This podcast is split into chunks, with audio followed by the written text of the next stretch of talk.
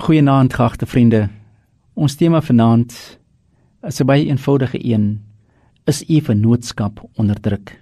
Vir alledaagse voorbestaan is vennootskappe geweldig belangrik want dit help ons om ander in ag te neem met ons besluite, ons eie wêreldperspektief word dan ten alle tye getoets en verder dag vennootskappe ons uit om nie net altyd aan ons eie agendas te dink nie. Krisisse op die een of ander platform is wat die media ons daagliks voorhou. Dit is juis krisisse wat koerante verkoop. As ons die titel sien, krisis in die land of krisis in die kerk of krisis in die heelal, dan koop ons juis die koerant want ons wil sien hoe dit ons affekteer. Klagliedere 3 vanaf vers 18 tot 32. Die skrywer van die boek van Klagliedere, so 586 voor Christus, beskryf die gevoel van hulpeloosheid by Israel omdat hulle hele bestaan voor God vernietig is. Die digter kla dat God hulle verlaat het en nie hulle lyding sien nie. Tog kom hy tot die besef dat dit die gevolg is van hul sonde met al sy smartelike uitroepe en klagtes en die hartverskeurende beskrywing van die toestande in Jerusalem blyk dit dat die digter een ding nie doen nie hy dwaal nie weg van God nie hy bly vashou aan God Dus, soos die klagtes kom van die skrywer van klagliedere, is dit ook die diepe besef vir ons oorlewing het ons God baie nodig.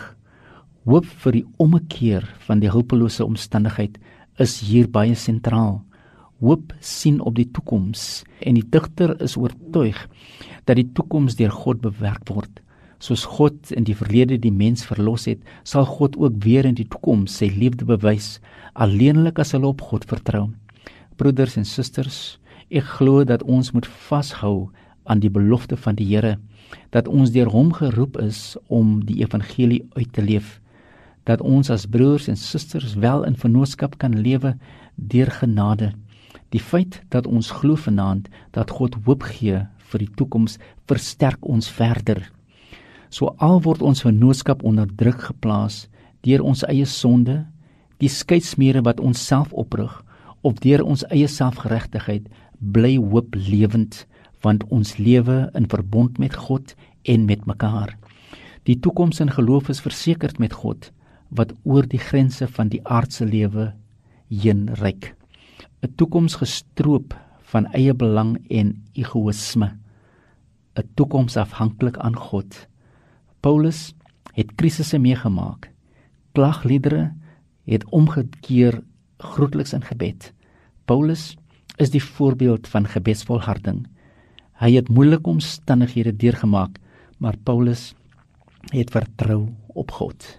As u vennootskap vanaand onderdruk is, vertrou op God. Die Here sal self in hierdie krisis vir u 'n uitweg gee. Amen.